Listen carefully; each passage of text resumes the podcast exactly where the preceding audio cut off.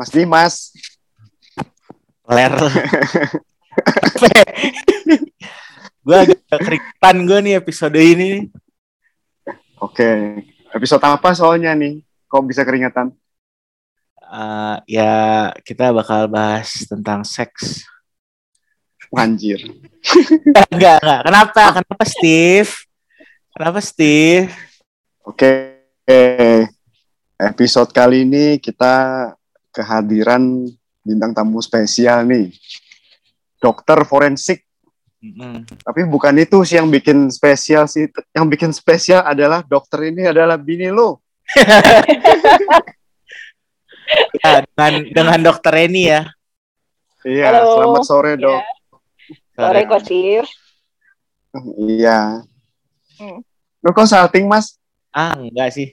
Kayak enggak enggak Apa apa-apa. ada ada saya makanya jadi grogi tuh. Iya. Iya, takut takut terbuka rahasia-rahasianya. Heeh. Oke. Oke, kita juga ada bininya Kostif ya. enggak, enggak. Kita bertiga. Ya. Oke, oke. Forensik, forensik. Oke. eh forensik ini kan bidang yang cukup menarik. eh, cabang kedokteran yang menarik. Gua taunya forensik ini terus terang karena hobi gua nonton. Gua Hmm. taunya dari serian TV tuh CSI. Oh ya, CSI. CSI. Heeh, CSI waktu muncul di Amerika tuh kan dia meledak banget ya Oh ya. sampai eh, eh, sampai jurusan-jurusan kedokteran yang ilmu forensik itu jadi rame banget tuh gara-gara serian tuh banyak Eh, eh. banyak orang masuk sana gitu loh. Peminatnya jadi kan tinggi ya? banget tuh sejak saat itu tuh. Ah, betul betul. Kemudian ada lagi kayak eh, TV series lain Dexter, walaupun itu anti-hero ya maksudnya dia ahli forensik tapi serial killer. Hmm, pembunuh berantai. Iya. Ah, dia bunuhin orang-orang penjahat lainnya karena dia memang Hmm. dari kecil eh, bapaknya tuh kan polisi itu bapak angkatnya jadi dia ngelihat dia ada ada semacam kayak ps- psikologisnya itu ada mental serial killer diarahkan Hmm. membunuhnya tuh bukan ke nurutin maunya dia tapi bunuhnya tuh bunuh penjahat serial killer lain gitu tapi dia Ya, basicnya forensik Yang dibilang itu kan Code of Uh-uh. Harry itu ya. Harry kan si bapaknya itu. ah ah, ya ya Harry ah, benar benar Waktu itu ngikutin juga Nah. tuh ya. Ah, ah, ya iyalah forensik ya. Terus eh, kemudian di Indonesia kan juga ada forensik terkenal tuh yang kasus-kasus gede tuh kayak apa? Munim Idris nggak salah ya? Ya, Dokter Munim Idris Ya, almarhum. ah, ah, ah, sudah. Kasus. ah, Yang ah, itu Yang kan itu- juga saya lihat. dokter dokter Ab- almarhum Abdul Munim kan eh, gurunya dokter Ren, aku gurunya Reni, gurunya Reni. Oh gitu. Wah tuh Hmm, itu dulu terkenal salah kan? satu yang waktu saya mau masuk forensik itu ya saya banyak dulu ngobrolnya ke beliau karena waktu itu kan masih Oh. ragu jadi Hmm. waktu pas ada kesempatan saya kenalan sama beliau terus ya Hmm. saya nanya-nanya gitu ke beliau terus ya waktu itu karena saya masih ragu kan saya tanya yang saya ingat dari beliau itu beliau hampir nggak ada takutnya. Benar-benar nggak Ah. ada takutnya. Mm, mm, mm. dan waktu saya tanya kan "Eh, dokter dokter apa nggak takut dok waktu misalkan menangani tak- kasus yang sensitif? Gitu. Terus kasus yang Hmm. melibatkan orang yang ada punya kuasa gitu. Nggak apa nggak Hmm, takut dapat ancaman? Gitu loh. Misalkan disuruh eh, hasilnya sesuai dengan yang salah satu pihak inginkan gitu. waktu itu eh, eh, beliau cuma ngomong sekarang gini Ren yang paling buruk terjadi sama manusia apa? Gitu. saya bilang kematian dok. Nah semua orang kira-kira bakal ngalamin kematian nggak pas pada akhirnya? Iya dok ya udah ngapain kamu takut? Gitu. Nah itu Hmm. prinsipnya dokter Munim seperti itu. Hmm, hmm, hmm, hmm. Iya, dia kan high profile kasus yang gede-gede kan dia yang megang tuh kayak Munir kalau nggak salah ya, Arsina, ya nah eh, apa lagi? Apa lagi ya? itu Lupa juga yang Tapi kasus tapi eh, salah satu penembakan yang melibatkan pejabat gede itu juga beliau yang handle waktu itu Pejabat, ah Antasari Asar, Antasari Asar. Iya Pejabat. iya iya. pejabat apa anak bekas? bisa Bukan ini, ini eh, tadi iya. diomongin ah tapi gini, tapi gini, jangan lupa satu hal loh. Bapaknya teman kita juga uh, profesor forensik gede. Ah Bapak Daniel. Uh, bapaknya Daniel Bapaknya Daniel. Profesor Amri Amir Itu juga Hmm. juga juga forensik juga di Medan. Gitu. Hmm. Ini pertanyaannya sekarang ke Bu Dokter nih. Ya. Kok kok mau milih forensik dengan segala kengeriannya, keseremannya itu loh maksudnya. Ini kan yang dihadapin adalah otomatis kan banyak kasus terutama Indonesia lah. ya, Kasusnya kan pasti kayak pembunuhan apa segala macam dan bentuk-bentuknya udah nggak karu-karuan tuh kok kok apa yang bikin berani gitu loh. Oh, eh, waktu itu tariknya karena waktu saya koas di antara semua stase yang paling Hmm. saya pasien yang paling tenang nggak pernah protes itu cuma forensik. Gitu. manut aja mau saya apalin gitu Gimana manut mau aja. protes mati soalnya. Tapi juga pasien yang paling oke. jujur gitu. Karena nggak ada yang tutup-tutupin. Eh, nggak sih. logis, logis. logis. Tapi eh, alasan sebenarnya itu ya ada hubungannya juga sih sama dulu tuh saya ada ya teman dekat saya itu meninggalnya nggak wajar. Yang itu Mm-mm. karena saya juga deket banget sama dia. Orangnya emang baik banget sih waktu itu dan saya tuh belakangan taunya dia meninggal nggak wajar itu kira-kira satu setengah sampai dua tahun lah setelah dianya meninggal. Terus ya saya tanya loh, ini kenapa nggak itu? Kenapa nggak dilanjutin kasusnya? Kan ini yang membuat dia meninggal ini kan masih di, masih bebas gitu, nggak adil gitu. Terus Mm. ya keluarganya waktu itu bilang karena eh, keluarga sudah menerima dan nggak mau memperpanjang kasusnya gitu. Hmm. Ya, Hmm. Jujur eh, dalam hati sih saya masih ya ada rasa nggak terima ya karena eh, orang ini ya baik banget lah sama saya dulu gitu. Oh, jadi kamu belum on dari dia. Oke. Ya, ya belum mau move on ya siapa gitu kan teman loh. Nggak boleh tahu nggak kira-kira ma- ma- ma- apa nggak wajarnya kira-kira kenapa? Kalau boleh tahu nih. Kalau kalau nggak nggak nggak apa-apa. ada sebelumnya tuh ada tindakan kekerasan dan waktu Hmm. dibawa ke untuk dicari pertolongan itu sebenarnya ketahuan kalau luka-lukanya itu di ada yang temuan yang nggak wajar lah di situ. gitu. Hmm, hmm, hmm. Tapi sampai akhirnya dimakamkan itu nggak ada yang ngomong, nggak ada yang mau lanjut gitu. Nah, dan apa? Saya juga mikir andai kata dia ini masih hidup pun ada temennya yang apa yang dapat ketidakadilan ya dia pasti akan bela-belain gitu dia tipe orang yang seperti itu lah kok gantian dia yang kena kok malah orang lain malah nutupin gitu saya jujur aja ya waktu itu mikirnya agak nggak terima di situ dan ya itu salah satu yang bikin motivasi saya masuk forensik Udah tadi kan udah jelasin kenapa. Nah terus eh, pertanyaan gua untuk adaptasinya susah nggak jadi dokter forensik ini? oh Dalam artian- untuk Nah, dalam artian adaptasi ini kan ilmu yang yang benar-benar beda yang kan lu bilang tadi lu suka ini karena kan pasien dalam tanda kutip lu ini kan nggak bisa bohong ngasih ngasih bukti yang benar kan nggak nggak bisa. Nggak- intinya pasrah aja gitu loh. Ya nah, cuma kan harus beradaptasi nih. Walaupun gua tahu kan dokter kadang eh, waktu masih sekolah pun sudah biasa kayak ngeliat mayat atau apa. Cuma ini kan arahnya kan beda nih. Nah, adaptasinya tuh gimana? Nggak nggak nggak nggak mual nggak jijik nggak apa gitu loh. Oh, kalau mual jijik sih ya enggak sih, maksudnya juga udah kebiasa karena waktu pas koas kan juga udah kurang lebih dikasih tahu lah kira-kira Hmm. kondisi jenazah yang paling parah itu tuh kayak gimana gitu. Karena Mhm. waktu koas ya eh, saya sih beruntung juga gitu waktu itu dapat jenazah yang udah eh, dua bulan apa di sungai gitu. Hmm. Ya sebulanan lah berarti yang benar-benar sudah kondisinya kan udah yang wah baunya ke mana-mana gitu terus juga Hmm. serangga terus juga apa lalat segala macam kan merubung semua waktu itu. Hmm. Nah jadi ya eh, waktu itu juga sempat ditanyain gitu sama pembimbing saya di situ.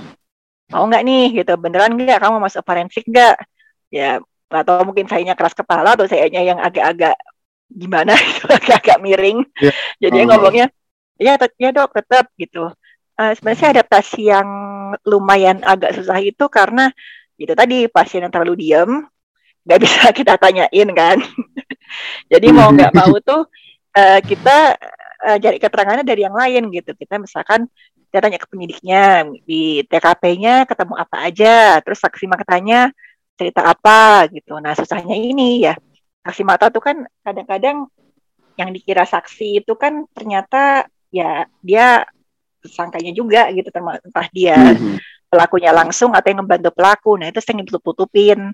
Jadi ya kita yang dibilang kita harus memeriksa dengan kepala dengan sama sekali nggak ada punya prasangka apa-apa tuh ya ya benar gitu. Tapi ya paling nggak dengan nanya ke penyidik itu kita tahu oh ini arahnya ke mana nih kira-kira? gitu. Mhm. misalkan eh, contohnya tuh waktu saya dapat kasus orang yang dibilang meninggal mendadak gitu. Meninggal mendadak di mana eh, katanya waktu itu semua saksinya bilang ini meninggalnya karena tiba-tiba dia jatuh gitu. Mhm. terus lagi apa lagi ngumpul-ngumpul tiba-tiba jatuh. Eh tiba-tiba eh, saya tanya ke polisinya kira-kira gimana nih? Di TKP ketemu apa? Oh mereka lagi ngumpul-ngumpul tapi kayaknya sih waktu ditanyain sepertinya ada yang ganjil karena ceritanya kok beda-beda satu sama yang lain gitu. Jadi ya sambil kita nanya polisinya sambil kadang-kadang kita juga nunggu keterangan dari si saksinya itu sampai tiba-tiba ada yang keceplos oh tadi sempat ada berantem gitu oh ya udah tadi saya tahu arahnya saya nyari ke tanda-tanda kekerasan yang mana kira-kira di bagian tubuh yang vital gitu Mhm.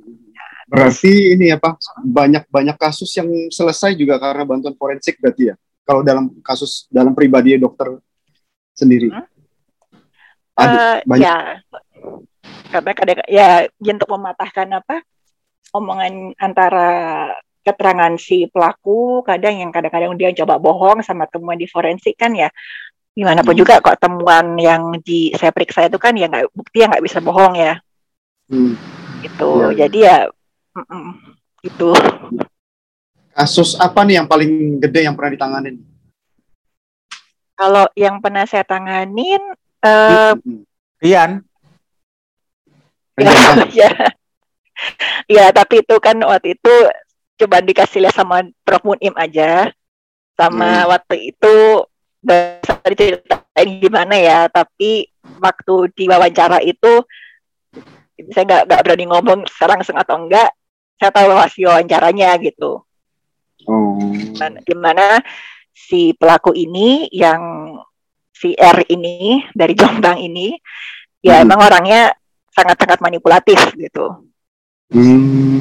dia bilang dia tidak sadar waktu melakukan tapi temuan yang dari dokumen yang dikasih lihat ke saya itu menunjukkan kalau waktu itu dia sadar Hmm. dia benar sadar dan Ini singkat apa gua- dia Ini singkat gua kasusnya mutilasi kan ya? Mutilasi di kubur tempat terpisah ya?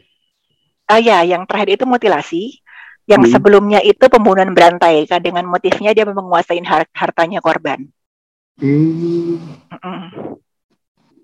Tapi Oke. tapi eh, mutilasinya badan.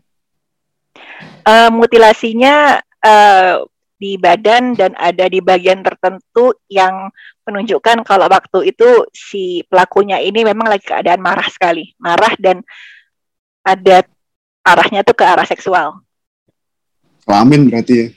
Genital. Ya, Hmm. ada di bagian yang seksual kan yang dibilang tuh ada wajah, ada genital, ada bagian dada kalau misalkan perempuan gitu kan. Hmm. Dan itu waktu saya dika- dikasih lihat dokumennya sama waktu itu sama Prof Munim, ya memang emang ada gitu. Ama, Itu amal- itu pulang nah, pul- pulang ke rumah pulang habis ngeliat gitu pulang rumah makan malam gitu nggak nggak nggak mual apa dok? Oh, oh. waktu itu saya masih kasih lihat dokumennya itu kan pas lagi ada acara ilmiah dan malam Hmm. itu saya sendirian lagi waktu acara Hmm. ilmiah itu nginepnya sendiri. tapi Lumayan maksud, juga ya. enggak maksudnya kamu abis itu Hmm? makan makan hotdog enggak, makan sosis enggak? Oh biasa aja sih waktu itu makan malamnya tuh apa semur daging ya biasa aja nggak ada rasa gimana gitu. A- a- a- kalau sama Lorena kasusnya Lorena Bobit lebih parah mana cincangannya? Lu tau Lorena Bobit nggak, Steve? Tahu. Kebetulan mobil kan motong sekali dong, masa dicincang? Kalau yang ini Langsung dicincang. dicat gitu kan? Kalau yang dia dicincang, yang dipegang sama dokter Reni dicincang. Hmm. nggak dipegang itu yang waktu itu eh, Prof Munim yang periksa yang pokoknya saya tuh dikasih lihat dokumennya sama dokter Munim waktu itu dokumennya waktu Mhm. dia eh, beberapa fotonya itu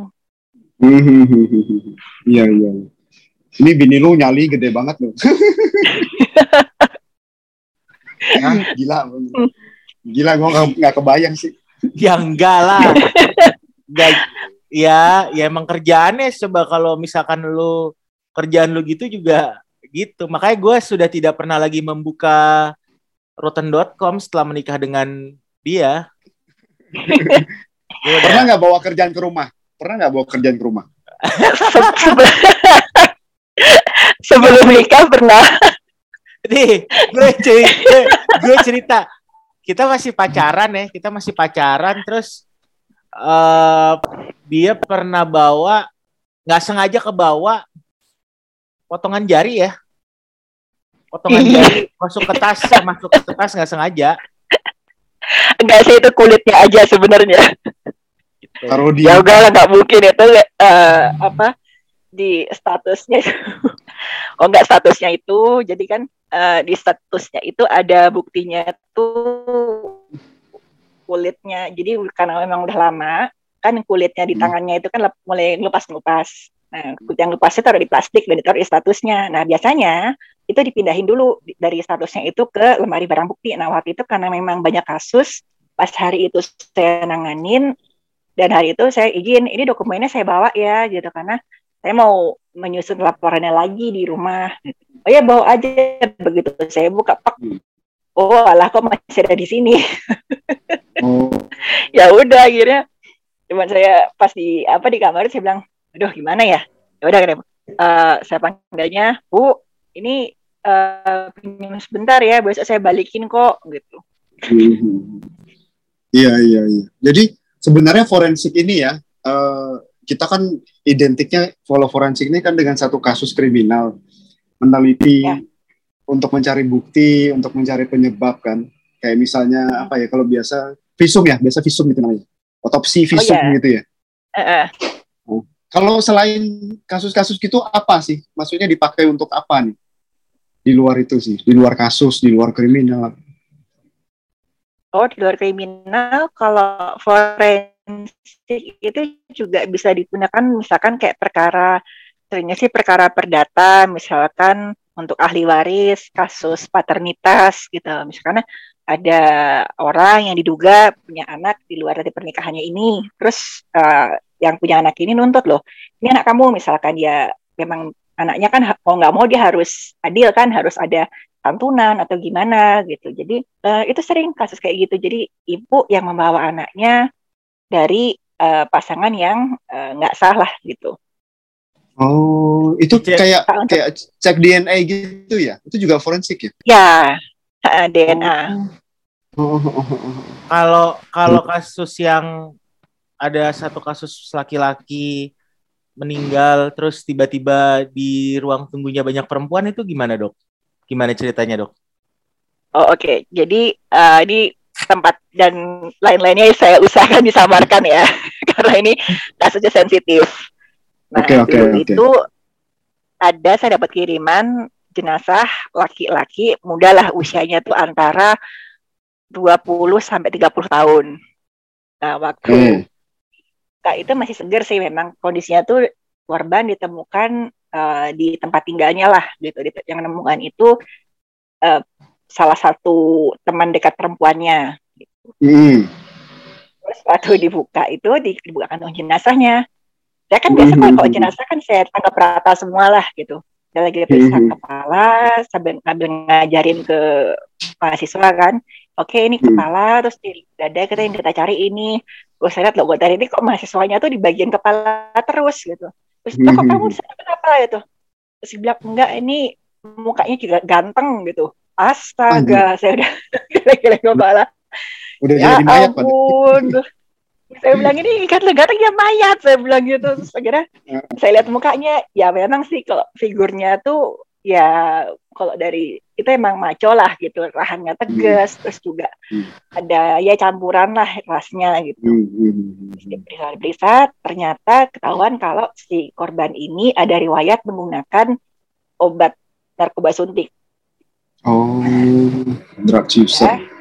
Uh, dan begitu tahu itu ya ya udah kita uh, cek screening untuk uh, apa HIV gitu sama tes untuk uh, urin narkobanya aja lah gitu urin sama darah gitu. Nah, begitu saya keluar uh, ternyata ruang tunggu itu udah banyak banget perempuan di situ Hah? kira-kira ada sekitar tujuh orangan lah gitu semuanya itu ngaku pacarnya si laki-lakinya ini Dan ada yang hamil. Uh, uh, ada satu yang keadaan hamil waduh Itu- saya mikir kan deg-degan banget kan saya gimana ini Eh, nggak lama eh, hasil labnya tuh datang dan hasilnya hasil screening untuk HIV-nya itu positif Waduh. Tujuh Aduh, orang yang nunggu itu. Stres tuh. iya tuh. Ya, langsung pada pucat semua pada waktu itu kan eh, saya masih magang kan dokternya yang jaga tuh dibilang ya udah kita kasih tahu gitu ya ini eh, hasil screeningnya didapatkan eh, positif kira-kira mau gimana aduh tujuh langsung semuanya pucat semua ya gimana. Gila, gila, gila. Gila bener. Aduh, pusing. Kalau aduh-aduh sih lu. Enggak, kok. Gue bayangin gue, gue bayangin gue jadi lu mas pusing mas beneran mas. Gak gini, Eh, forensik Gini, ini kan gini, gini, ya? gini, gue tahu. Gue pusing itu cuma satu kali, bukan kasus masalah penemuan mayat apa. Jadi pernah ada suatu kasus, eh Reni gini, aku harus nanganin kasus, ini kasus gede sih, kasus gede di Jakarta. Oke, Hmm.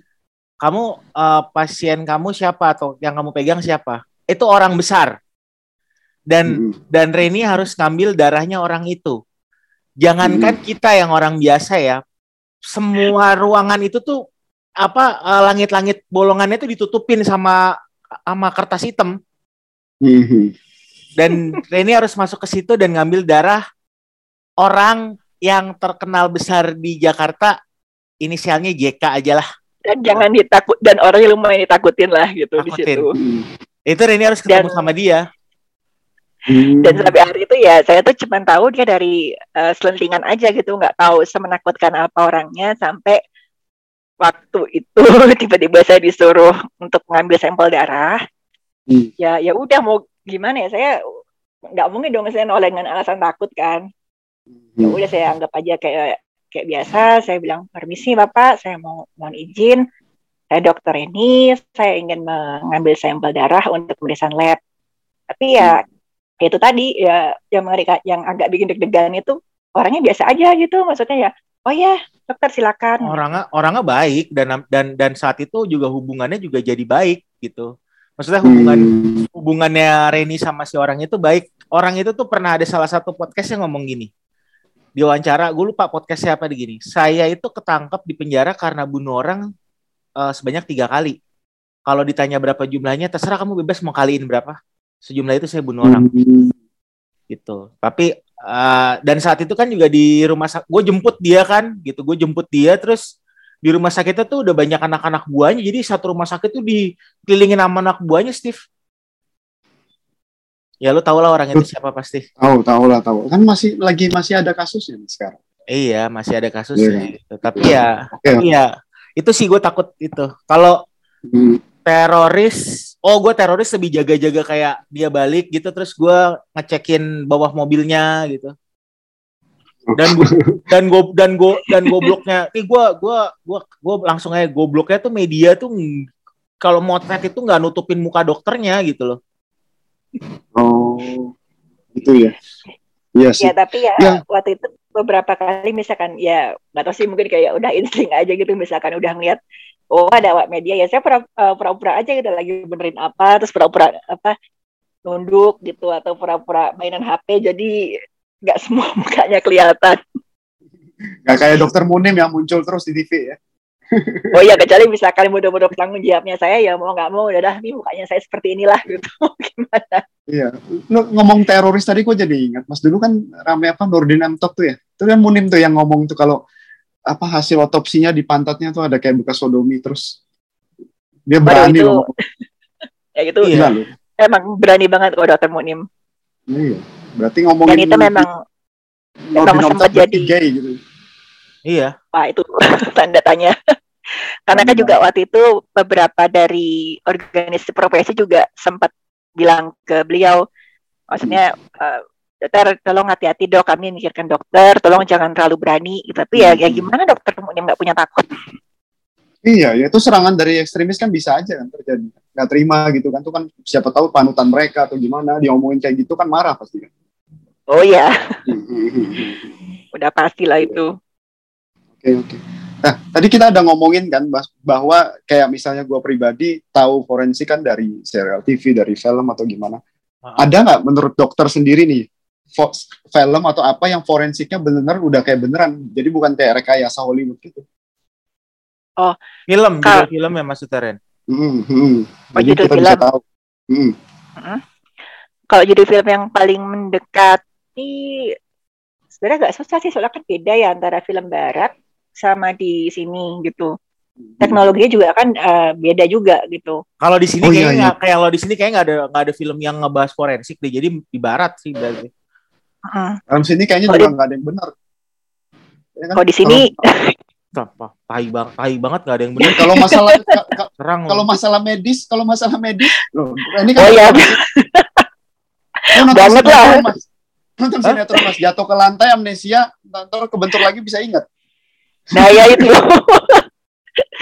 Terus tiba-tiba Iya apa orang dibilangnya ketahuannya kanker. Oh dari mana? Gitu dari cuma dari batuk-batuk aja. Padahal badan segar bugar nggak ada penurunan berat badan segala macam. Nah, itu. Maksudku film-film lo dari film atau seri atau apa yang mendekat. Kalau CSI itu tapi memang main Oh, kok- teknologi sih kalau CSI ya. Ya, kalau CSI itu eh, jujur aja sih jauh sih sebenarnya. Karena untuk pengambilan DNA terus da- apa bank data DNA itu kan sampai sekarang masih belum boleh sebenarnya. Mm-mm. Tetapi kalau yang paling mendekati itu justru untuk dari sidik jari. Karena kita kan waktu kita ngan- bikin KTP itu kan kita Mhm. bikin eh, sidik jari. Nah, sidik jarinya kita itu sudah disimpan di ada namanya Inavis. Itu jadi yang dia yang bertanggung jawab untuk bank datanya sidik jarinya kita punya datanya sampai kita udah di KTP ada di situ semua Oh, tuh oke. dan tapi ya datanya mereka yang megang gitu nggak boleh orang lain sembarang megang nggak boleh Iya, jadi lagi mempercepat pelacakan ya kalau ada sesuatu Ja- gitu. ya. Jadi filmnya apa? Judul Hmm. film barat ya? Ya, kalau judul film barat yang paling mendekati sih eh, itu Body of Proof. Audio proof siapa ya? Itu film seri Body of Proof. Oh, seri. Film seri Body of Proof. Oh, gue belum nonton tuh. Ada, Cuman ada, siapa? ada ame Hmm. buat body of proof itu ada kok, ada itu nggak nggak terlalu ini Steve, nggak terlalu apa? Nggak terlalu terkenal sih nggak kayak Kayak- CSI gitu. Kayak Dana Delaney, Dana Delaney kalau nggak salah, Nicholas Bishop. Oh, oh, nggak pernah nonton gue. Oh, itu itu paling Hmm. mendekati malah, lebih mendekati malah dari CSI ya. Ya, walaupun kalau di lapangannya tetap jauh sih, tapi yang paling ya yang paling lumayan mendekatinya itu Body of Proof. Oh, oke oke. oke. Karena dari alurnya gitu-gitu juga kan eh, ya yang paling lumayan itulah menurut menurut saya.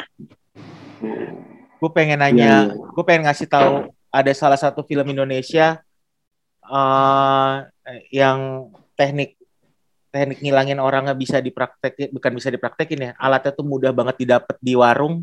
Cuman gue nggak berani nyebut judulnya. Kan? Maksud, oh ada maksudnya, ada.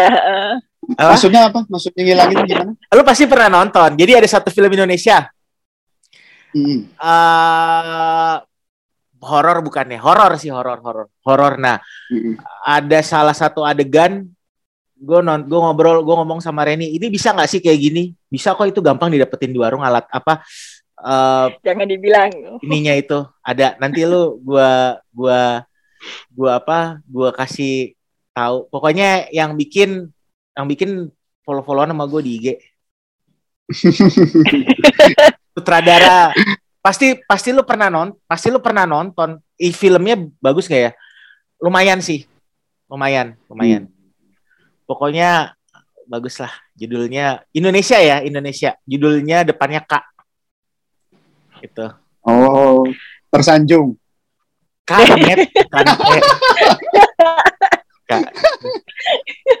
tuh tuh gitu. Gua gua gua tak gua taunya dari Reni. Gua kan selalu nanya gitu kayak misalkan kayak eh kasus-kasusnya dia kayak ada salah satu kasus berapa? 32 tusukan Oh ya ada kasus yang eh, lebih sih waktu itu ya hampir hampir 50 tusukan waktu itu. Ih, Cuman yang di diumumkan di media nggak se nggak sebanyak itu. Itu Karena yang- waktu itu emang Yang ibu-ibu kan? ya kalau teringat dulu ada kasus yang agak heboh itu penemuan kasus eh, ini aku hati banget ngomongnya kasus perempuan dia paruh baya dan pelakunya itu eh, pacarnya ya teman cowoknya lah pacarnya gitu. Dan eh, si perempuan ini eh, motifnya itu karena tersinggung si laki-lakinya. Itu betul-betul marah banget. Sampai waktu dia nusuk itu itu benar-benar buta. Dia cuma nusuk gitu. Yang ketemu itu 50 50-an tusukan. Tapi mematikan cuma satu Oh. Nah itu. Makanya saya buat sekarang itu saya dalam hati saya julukin itu kasusnya Julius Caesar. Kan Julius Caesar kan ditusuk rame-rame tapi kan yang mematikan kan cuma satu. Mm-mm. Pasti itu dihinanya kayak titik kamu kecil. Terus dia Nah, kita ngerti soalnya sekarang disamarkan. terus dia brutal. terus Kamu main PUBG goblok. terus gue tusuk ditusuk kayak gitu. Kal tapi gini, kalau tapi gini, eh, Reni selalu ngomong sama gue nggak ada kejahatan yang sempurna. Nah, Salah satu contohnya apa, Ren? kalau salah satu contohnya itu Misalkan ketahuan apa penjahat kasus kejahatannya ketahuannya gara-gara ngerokok gitu di bis gitu kan ada tuh pasti itu. ada jadi eh, dulu tuh pernah ada kasus pembunuhan yang di eh, jenazahnya itu rapi banget lah pokoknya karena si pelakunya ini dia punya pengetahu- pengetahuan mengenai bagaimana cara membersihkan daging dari tulang. Waduh. Jadi di, jadi di, jadi diseset. Bapak mau beli sandung lamur, mau beli ribs, mau beli tenderloin apa sirloin gitu kan.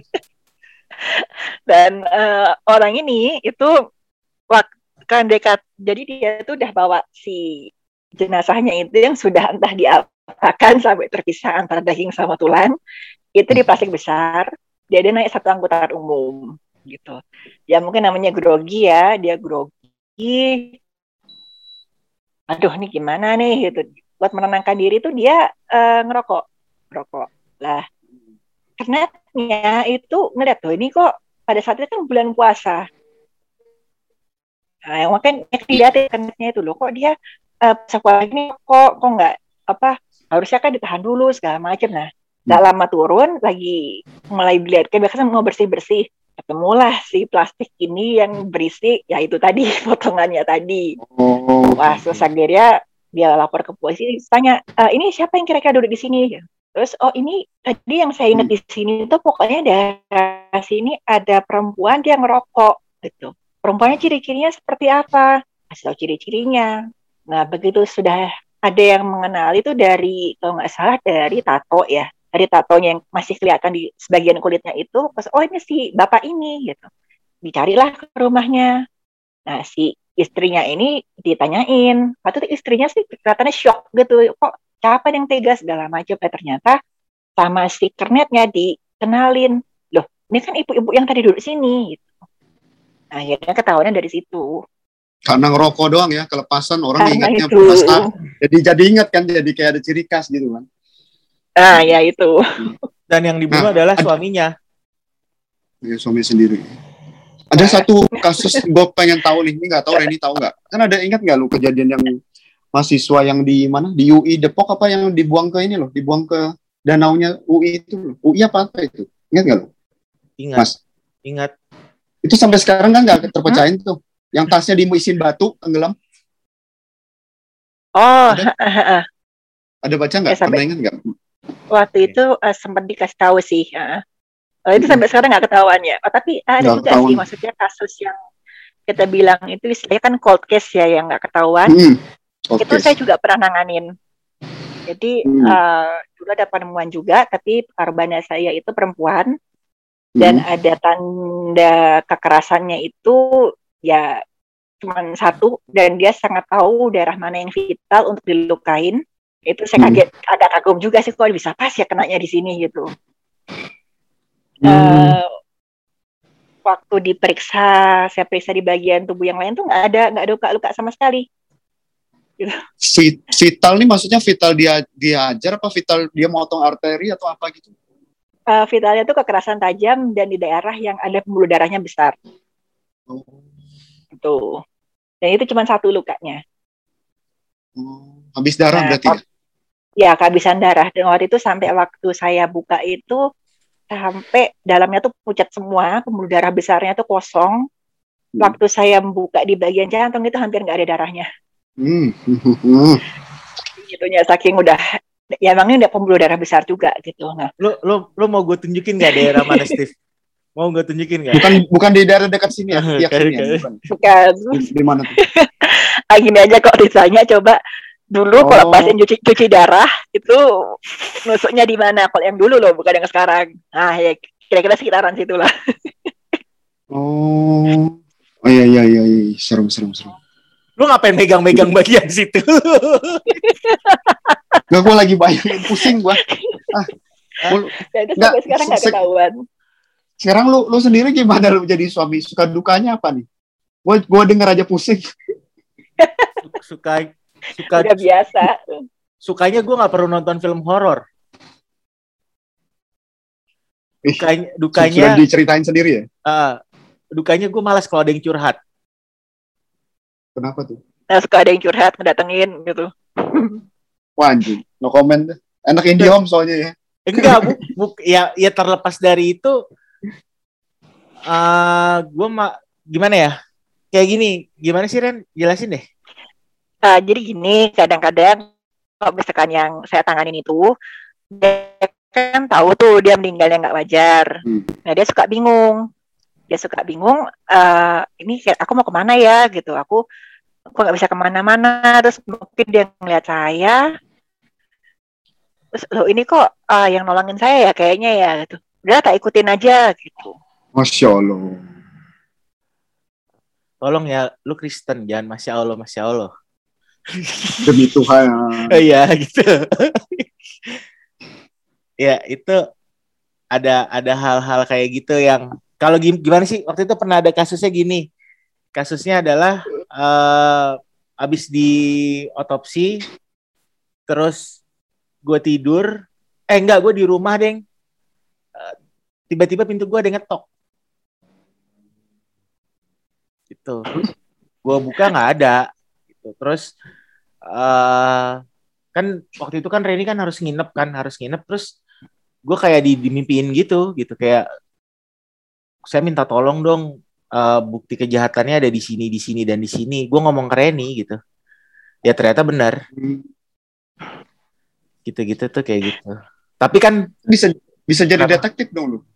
enggak lah gitu apa-apaan gue cukup jadi orang kaya Iya. aja nggak usah jadi detektif Iya kan? Jadi bisa memecahkan kasus dengan bantuan supernatural. Wis.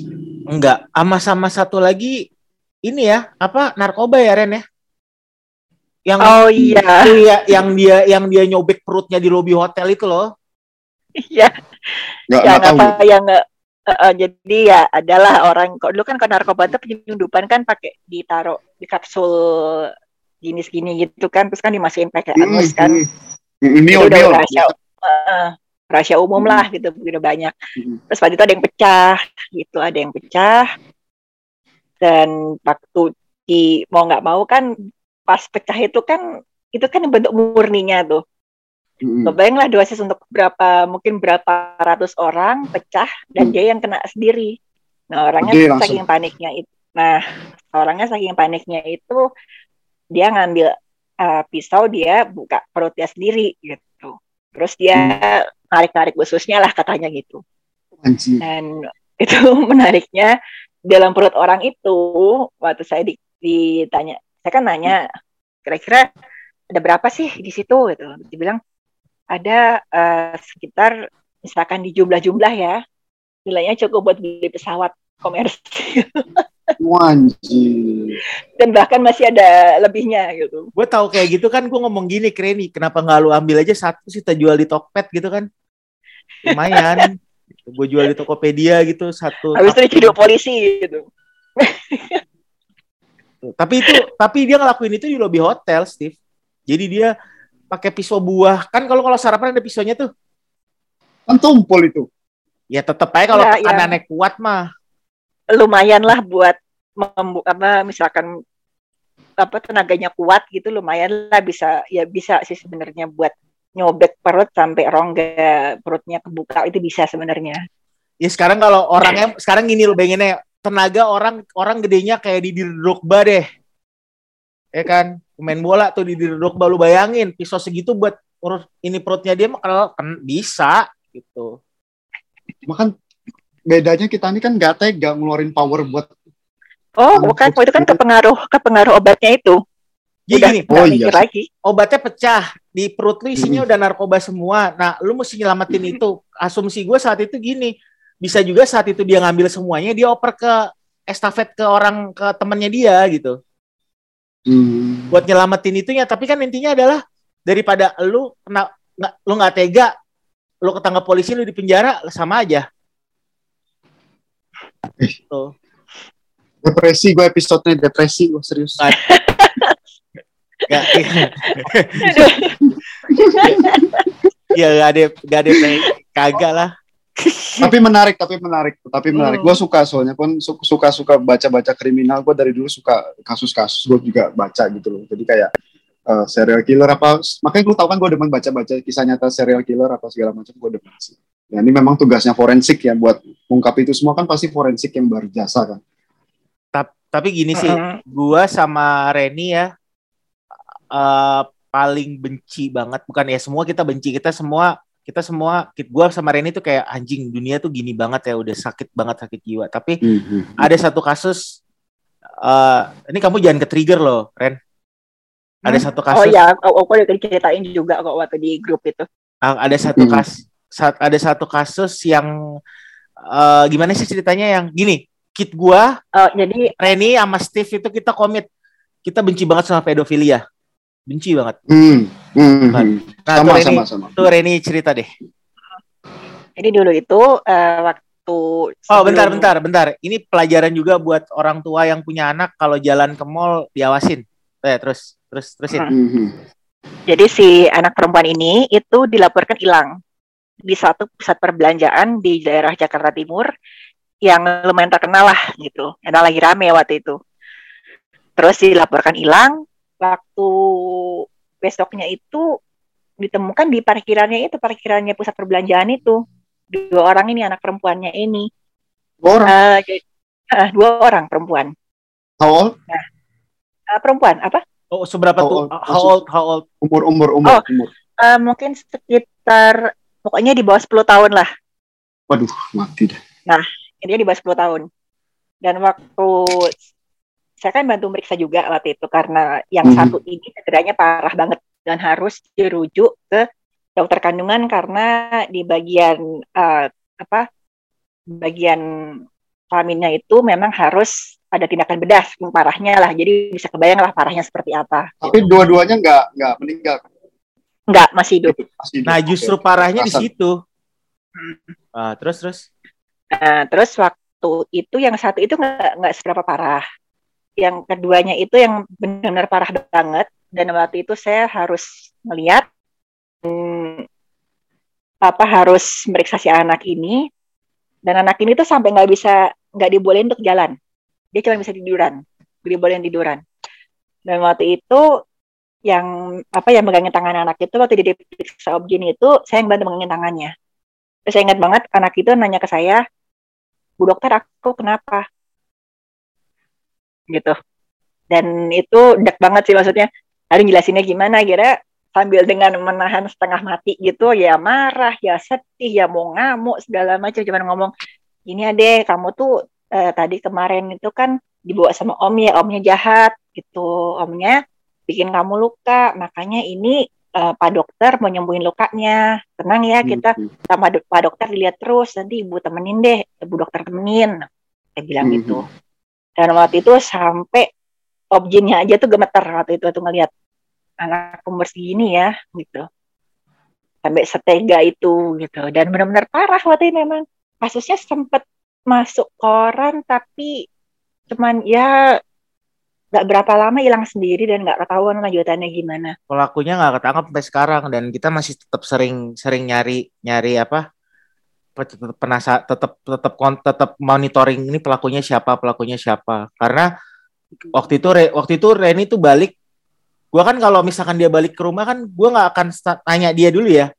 Gua hmm. biarin dia mandi gue bikinin teh hangat dia mau nangis dia nangis deh dia mau kesel dia mau kesel dia mau apa gitu. Nah ntar dua hari atau tiga hari kemudian atau besoknya dia udah bisa ngomong baru dia cerita kasusnya gitu. Dan saat itu Reni benar-benar kepukul sampai berapa bulan tuh? Satu bulanan lah. Dia masih belum mau hmm. cerita.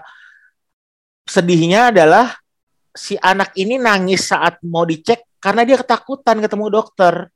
Ngerti gak lo bukan karena dia ketakutan kan karena apa yang sudah dia terima gitu. Tapi gue nih kenapa? Gue mau diapain? Gitu. Gitu dan eh, dari situ tuh gue makin benci banget sama sama, sama pedofilia tuh. Gue mau makin yang anjing gue don't fuck with the cats lah. Maksudnya lo apa jangan macem-macem lah sama anak kecil gitu. Makanya gue selalu ngomong sama anak-anak temen gue Reni juga selalu ngomong yang boleh buka celana kamu itu ayah ibu dan dokter dengan ada ayah dan ibu. Hmm. karena karena predator seksual itu kan dari orang terdekat. Dan orangnya nggak nyangka kadang-kadang ya kadang-kadang hmm mungkin uh, orang yang dipercayakan buat ngasuh dia, misalkan ya kalau kita lihat di berita-berita kan ada yang sama omnya, tapi uh, pelakunya ini nggak terbatas sama laki-laki loh, kadang-kadang perempuan juga bisa jadi pelaku, gitu. Mana tahu dia kelainan seksual kan, gitu. Bisa. Perempuan dewasa yang melakukan kekerasan seksual terhadap anak kecil itu bisa banget, contohnya ya. Kita selalu wanti-wanti gitu, pokoknya nggak boleh ya yang megang yang megang di megang daerah vital sini yang buka celana nggak boleh andai kata ada yang berani, ada yang berani teriak ngelawan lari minta tolong gitu atau itu apa kalau misalkan ada yang megang masuk kasih tahu ya orangnya yang mana gitu. kasih ya, tahu ya. ayah sama ibu nggak usah takut gitu. kan kadang-kadang kan mereka kan kalau pelakunya itu kan pasti kan ngomong jangan bilang bapak sama ibu nanti dimarahin segala macam gitu kan kadang-kadang kan suka gitu mereka triknya ya kita uh, baiknya ya anak-anak jangan di, jangan dibiasain takut melapor gitu. Bilang aja uh, itu aja deh apa uh, harus pokoknya harus bisa bilang sama ayah sama ibu. Gitu. ya ya dengarnya nggak enak banget deh Gila. Jadi jadi siapa pun yang dengar podcast ini kalau lu pedofilia lu akan berurusan sama kita bertiga. Dan saat itu pertama kedua. Jangan macem-macem mau orang yang tahu cara nyembunyiin mayat udah itu aja gue mengancam gue mengancam keras gue meng, gue mengancam jangan macam-macam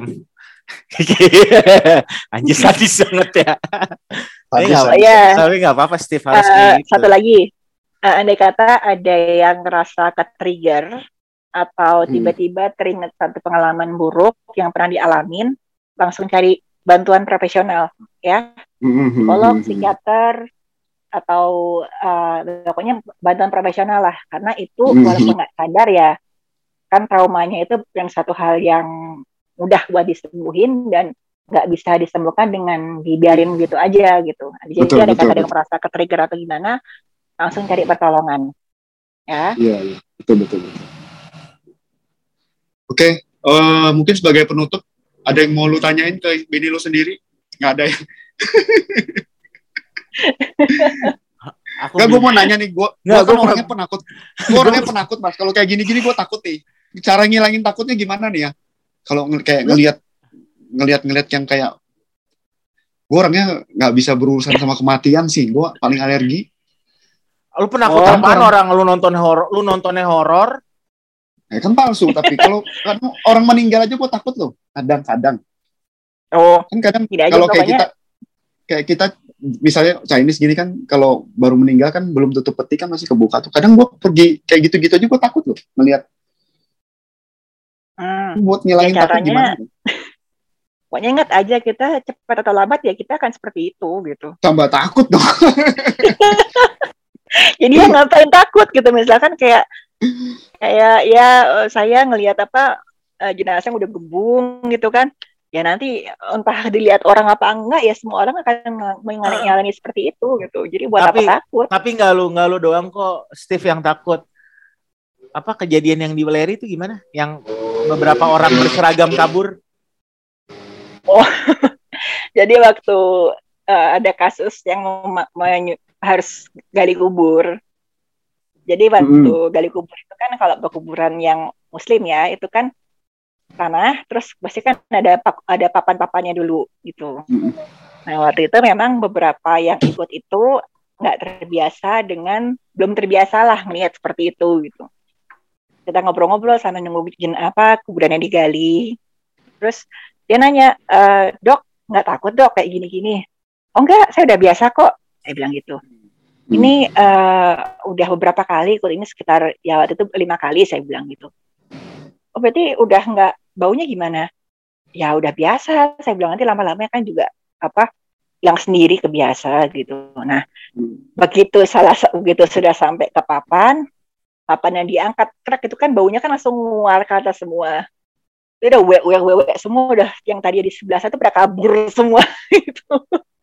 Itu nggak pakai kayak ya, gitu. kan kalau di film-film kan kayak ada ditaruh apa di hidung gitu balsam atau apa oh nggak boleh justru justru nggak hmm. boleh oh nggak boleh. Baiknya jangan karena pertama kalau kita pakai masker itu mau kita pakai masker satu box kita pakai pun nggak akan menolong dari baunya. Terus yang kedua misalkan kita pakai wangi-wangi takutnya nanti misalkan ada bau yang ganjil kayak bau yang mengarah ke racun tertentu itu kan nggak oh oke. Oke oke oke. Jadi termasuk hmm. dengan forensik juga ya berarti ya? Uh, jadi mau nggak mau yang mesti me, apa ber, terbiasa sama bau mayat gitu. Aduh. Jadi bisa bedain. Iya kan si si Reni kan belajar tok belajar toksikologi, belajar toksit, belajar tentang racun, ilmu tentang racun. Ya sempat lah. gitu. Jadi kalau misalkan tiba-tiba gue nggak ada kabar, tolong cari gue ya. Siapa tahu gue. Waduh. Ini yang curiga nggak bisa ada apa-apa. Tapi, okay, okay, okay. tapi, tapi satu pertanyaan. Mm. Gue mau nanya ke Steve. Mm. Uh, gue pasangan yang cocok gak sih? Pasangan cocok tuh pasangan yang benar ya, harus beda bang. Gue suami istri yang cocok gak sih sama Reni? Cocok aja sih gue bilang sih. Uh, suami istri yang baik itu nggak harus orang yang punya sama visi yang sama atau segala macam kok bisa jadi dua orang yang berbeda banget jadi kan kalau ya, gue supermodel gitu dia dokter nggak masalah ya